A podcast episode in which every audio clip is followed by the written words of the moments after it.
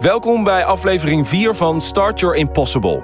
In deze serie van zes podcasts inspireren we jou met de weg die Olympische en Paralympische sporters afleggen om hun eigen impossible te bereiken. Hun lessen vormen de basis voor jou om zelf ook nieuwe uitdagingen aan te gaan. We begonnen onze reis met doelen stellen, voegden er mindset aan toe en met de vorige aflevering toewijding. Nu gaan we in actie komen met risico's nemen, uit je comfortzone stappen. Want zonder daadwerkelijk in beweging te komen, komt uiteindelijk niemand ergens. We horen hoe chef de mission voor de Paralympische Spelen in Tokio en Toyota-ambassadeur Esther Vergeer dit doet. Daarnaast spreekt Anouk Hogendijk in het Olympisch Stadion met sportpsycholoog Rico Schuijers over het nemen van risico's. Een groter thema in het leven van mensen is veranderen, omgaan met veranderen. Sommige mensen zetten, hebben twee decennia geleden hun kamer neergezet, hun woonkamer, die staat nog steeds zo.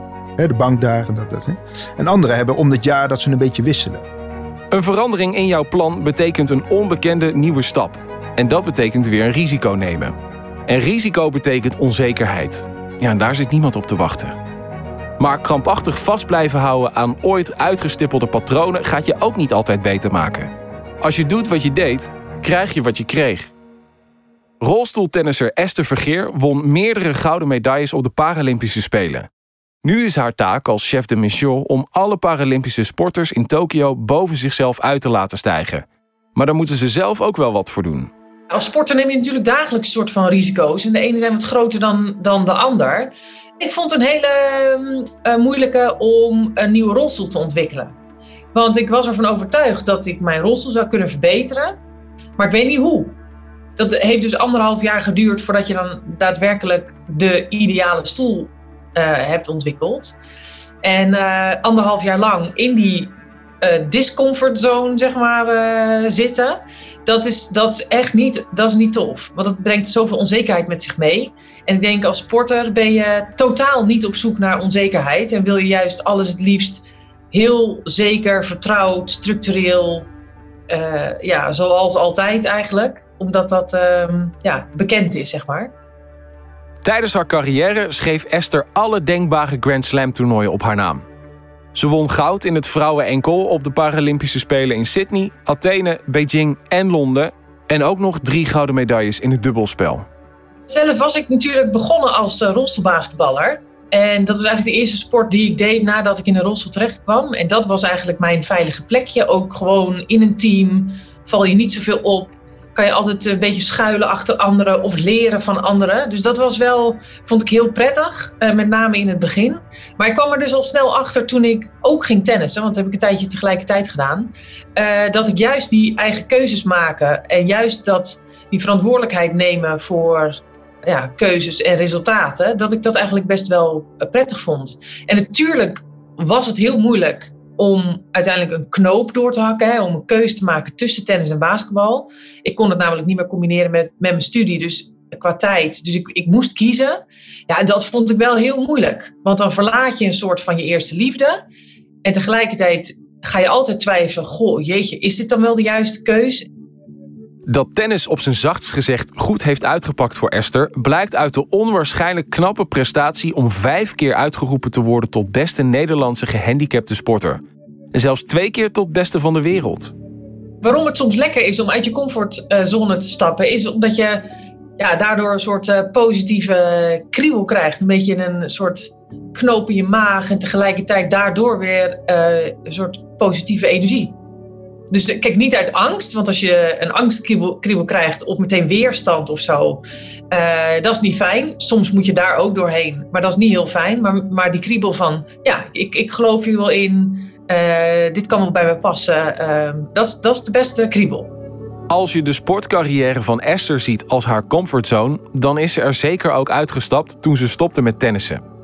Ze heeft nu haar eigen stichting is een veelgevraagd spreker en directeur van het ABN AMRO World Wheelchair Tennis Tournament in Rotterdam. Ook gaat Esther nu voor de tweede keer mee als chef de mission van het Paralympisch team naar de Spelen. Mijn missie is geslaagd en dat is een beetje cliché, maar als de ploeg veilig en gezond heen en weer kan, dus naar Tokio gaat en uh, weer veilig en gezond uh, terugkomt. Ehm ja, en uiteindelijk, wat mijn verantwoordelijkheid is, is natuurlijk die faciliteiten zo goed mogelijk maken, houden ehm, voor, de, voor de sporters. En dat zij dus ook zeggen dat het in ieder geval aan de omgeving en de voorwaarden niet heeft gelegen dat zij niet hebben kunnen presteren. Maar daardoor dus hopelijk dat ze allemaal ehm, ja, hebben kunnen presteren op het maximale niveau. Weet jij al of je uit je comfortzone wil stappen om je doel te bereiken? En welke risico's je daarvoor zult gaan nemen? Ook dit doe je niet ongecontroleerd, maar met een plan. En dus een goede voorbereiding.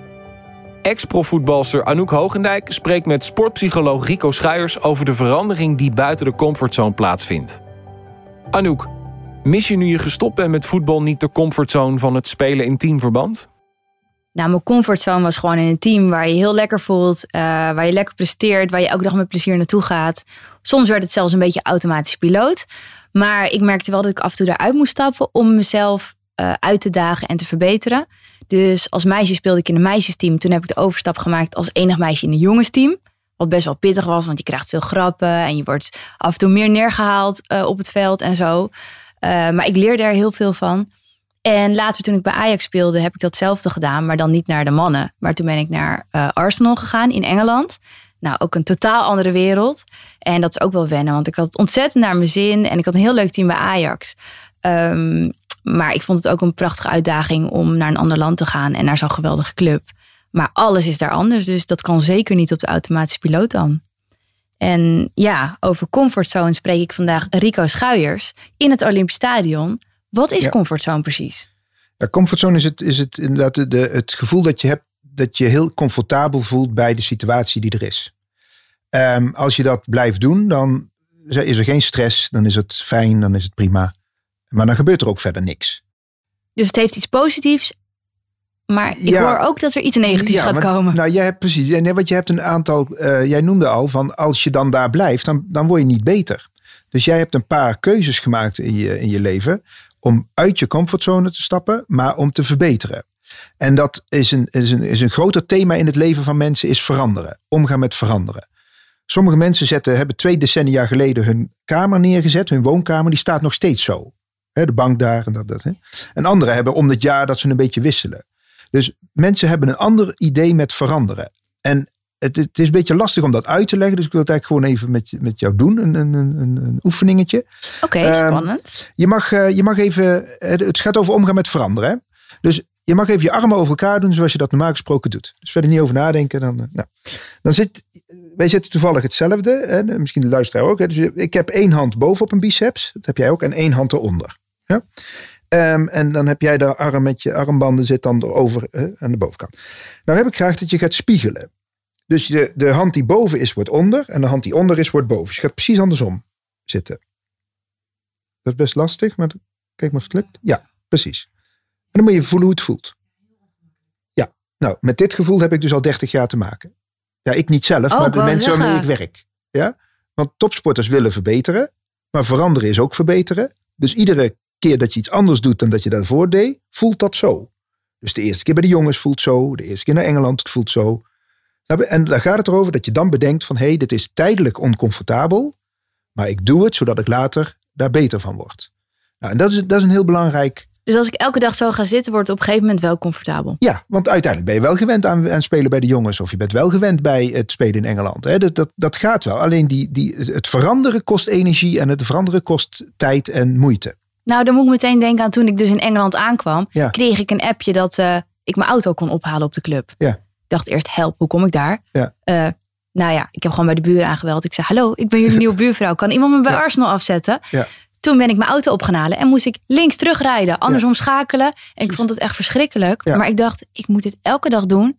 Want als ik het niet meteen doe, dan blijft die auto staan en dan ga ik alleen maar lopen. Precies, ja. Dus soms moet je jezelf dwingen om er even doorheen om, te gaan. Ja, en, dat, en, en het leven is niet altijd leuk. Hè? Dat, nee. Wat dat betreft, dus soms zijn die veranderingen zijn ook echt wel vervelend. Maar dan draagt het ook weer bij tot een groter doel. Maar je zult dan heel eventjes iets moeten doen uit je comfortzone. Dus net even wat, dat je wat rotter voelt, dat je wat, wat, wat, wat, wat stressiger voelt. Dat je daar dan doorheen, uh, doorheen stapt. Maar jij zei ja. net iets ja. over die huiskamer. Dat sommige mensen hun hele leven die hetzelfde Mhm. hebben. En andere mensen veranderen elk jaar. Ja. Maar niks is goed of fout daarin. Nee. Nee, dat is gewoon een voorkeur. Dus mensen hebben dan, hè, sommigen hebben ook een baan al 40 jaar. En anderen die job hoppen om de twee, drie jaar. Daar zit geen oordeel bij. Dat is gewoon uh, anders. Maar hoe je omgaat met veranderen.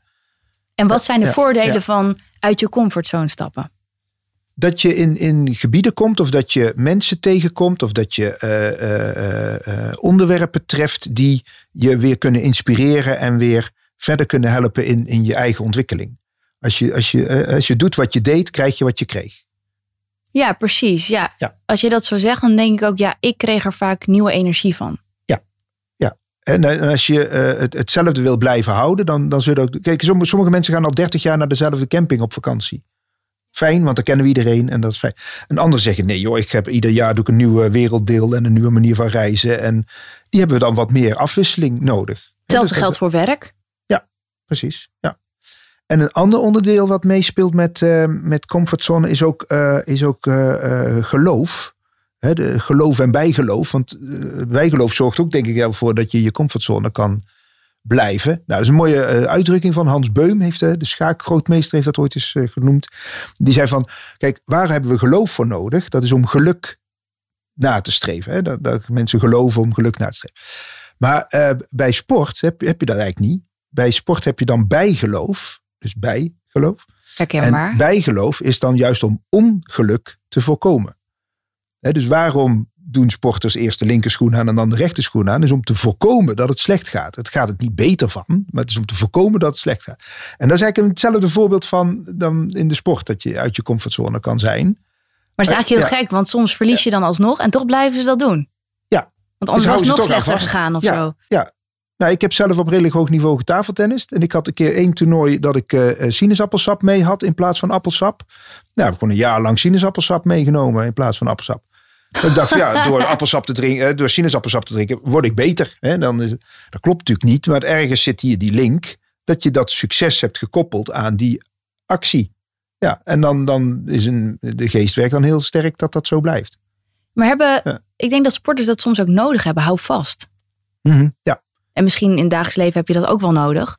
Sommige mensen die eten elke keer hetzelfde ochtends en die vinden dat lekker. Ja, dus, dus, dus eh, ja, dat is hetzelfde. Dus omgaan met veranderen is een groot ding, maar omgaan met onzekerheid is er ook één. En als mensen steeds hetzelfde doen, steeds dat patroon hebben, dagpatroon hebben, dan is dat redelijk zeker. En dan is dat fijn en dan kunnen ze daar hun, hun, hun, uh, hun gevoel uit, uh, uithalen. En ja, en andere mensen die, die zoeken juist wel de risico's uh, op. Die denken, nou, ik wil wat, wat, wat meer spanning voelen. En wanneer zou je nou tegen mensen zeggen: stap uit je comfortzone? Wat zijn signalen dat je denkt: het is tijd om iets anders te doen? Volgens mij, als je activiteiten doet die uh, eigenlijk te veel routinematig voelen. Dat je er niet meer uithaalt wat je zou willen uh, hebben. He, dus het levert niet meer genoeg op. Dan, dan hoeft het nog niet te kosten, hè, want dan, dan dobbert het lekker door. Maar als het niet meer genoeg oplevert, dan zou je kunnen zeggen: hey, het wordt denk ik tijd om iets anders te gaan doen. En dat, uh, dat is een beetje een, een, signaal van jezelf. Ja, ja ik had zelf bijvoorbeeld dat ik het gevoel had dat ik stil stond in het voetbal. Ja. En nou ja, prima als dat is wat je wil. Hè? Ja. Maar ik wilde uh, leren. Ja. Dus ik dacht, ik moet uit mijn comfortzone. Precies. Ja. Ik ga naar Engeland. Ja. Op een totaal andere manier trainen met andere mensen in een andere omgeving. Ja. Nou, ik heb het een beetje anders gehad. Ik heb uh, dus 20 jaar en 30 jaar met sporters uh, gewerkt. Maar tien jaar geleden kwam de politie op mijn pad, de nationale politie. En die wilde graag weten wat ik leerde aan topsporters. Of dat ook kon voor de politieman. En dat resulteerde in een groot programma. Uh, 65.000 politieagenten zijn door Zo. een programma heen gegaan. Het heet Mentale Kracht. En is eigenlijk gebaseerd op de sportpsychologische vaardigheden. Zodat die uh, uh, ja, kunnen worden gebruikt voor alle politietaken. En dat, dat varieert van het arrestatieteam tot, uh, tot de magazijnmedewerker en, en alles wat ertussen zit. Dus toen ben jij uit je comfortzone gestapt eigenlijk? Nou ja, ik heb wel gekeken. Kijk, sport, dat, daar voelde ik me comfortabel bij. Maar toen moest daarna naar de politiewereld. En bij de politie was, was best veel sceptisch in het begin. Hè, zoals bij de sport ook was in het begin. En dan denk ik, nou, hup, daar, ga ik, daar ga ik naartoe. Hè. Dus in de sport wist ik wel hoe, hoe dat, dat tegenaan werd gekeken. Maar bij de politie begonnen we helemaal op nul. Dus toen dacht ik van, nou, ben ik daar, heb ik daar zin in om weer iedere keer mezelf te moeten verdedigen of om te uit te leggen hoe het zit. Nou, en dat is, dat is goed gegaan. Dus dat is even een, een periode geweest van, hè, met mijn armen verkeerd over elkaar. En daarna is het weer door, goed doorgerold. En zo zoek ik weer naar andere uh, mogelijkheden om de, de, de mentale vaardigheden bij de verschillende beroepen uh, terecht, te komen, terecht te laten komen. Ik denk dat iedereen het wel herkent. Dat Mhm. eh, met de armen verkeerd over elkaar zitten. Of Ja. ik heb ook wel eens inderdaad een nieuw bijbaantje gehad. En ik vond het in het begin best wel eng. Want ik snapte helemaal niets van wat ik moest doen. En je kende de mensen Mhm. Ja. niet. Ja. Maar wat moet je dan doen om dat toch vol te houden? Want je moet er even doorheen. Ja, je moet er even doorheen. Dus eh, dat betekent dat je eh, moet bedenken dat als je van, van één niveau naar een ander niveau wil, hè, van, dat, je dan even, dat het eventjes slechter gaat. Dus de, wat je moet weten is hoe de leercurve eigenlijk werkt. En leren gaat niet gewoon recht omhoog, hè, dat je iedere dag beter. Nee, leren gaat met plateaus. Dus je leert iets en dan eventjes blijft het hetzelfde. Dan ga je weer omhoog en dan blijft het hetzelfde. En, je, soms heb je zelfs een dipje. Nou, en daar, daar moet je zelf op voorbereiden en het grotere doel voor je zien. Ik krijg heel even een dipje, maar daar word ik later beter van. En dat is hartstikke lastig. Ik heb wel eens met golfers gewerkt die hun grip gaan veranderen. Nou, dan slaan ze het eerste jaar helemaal niks. Maar dan moeten ze dus het grote beeld hebben van nou, over een jaar, of over twee jaar, ben- word ik een betere golfer dan ik nu ben, door nu door die dip heen te gaan. Heel verleidelijk om toch weer naar je oude grip eh, terug dat, te en vallen. dat is echt heel menselijk. Van, nou, het, het, het, het, het levert niet snel genoeg resultaat op, dus ik ga maar weer terug naar mijn oude ding. Ja, dan, dan, dan stap je dus niet uit je comfortzone. Nee. Maar eigenlijk alles waar we het over hebben is toch wel dat doel voor ogen houden. Dat Zeker. staat wel centraal. Het doel is echt super belangrijk en dus ook weten welke obstakels er op weg naar dat doel zijn. Je doel, de juiste mindset en toewijding heb je inmiddels afgevinkt. Maar bij iets onwennigs als risico's nemen is het prettig om wat handvatten te hebben. We hopen dan ook dat je vandaag genoeg hebt gehoord om zelf aan de slag te gaan. Start your impossible, zoals we dat bij Toyota zeggen. Om het je gemakkelijker te maken volgen nu de belangrijkste inzichten uit deze aflevering. Zet je eerste stap uit je comfortzone als het je niet meer genoeg oplevert. Als je het gevoel hebt dat je stilstaat. Vind je eigen pad en ga pionieren, net als Esther Vergeer. En zorg dat je de motivatie krijgt om te blijven gaan. Neem risico's, maar onthoud dat te veel onzekerheden je niet naar je doel leiden. Tijdelijk oncomfortabel wordt uiteindelijk comfortabel. Als je uit je comfortzone stapt, dan begin je dus weer opnieuw. Je maakt stappen en er komen tegenslagen, maar daar kun je je op voorhand al op voorbereiden. De volgende keer gaan we het hebben over falen, want zonder falen geen succes.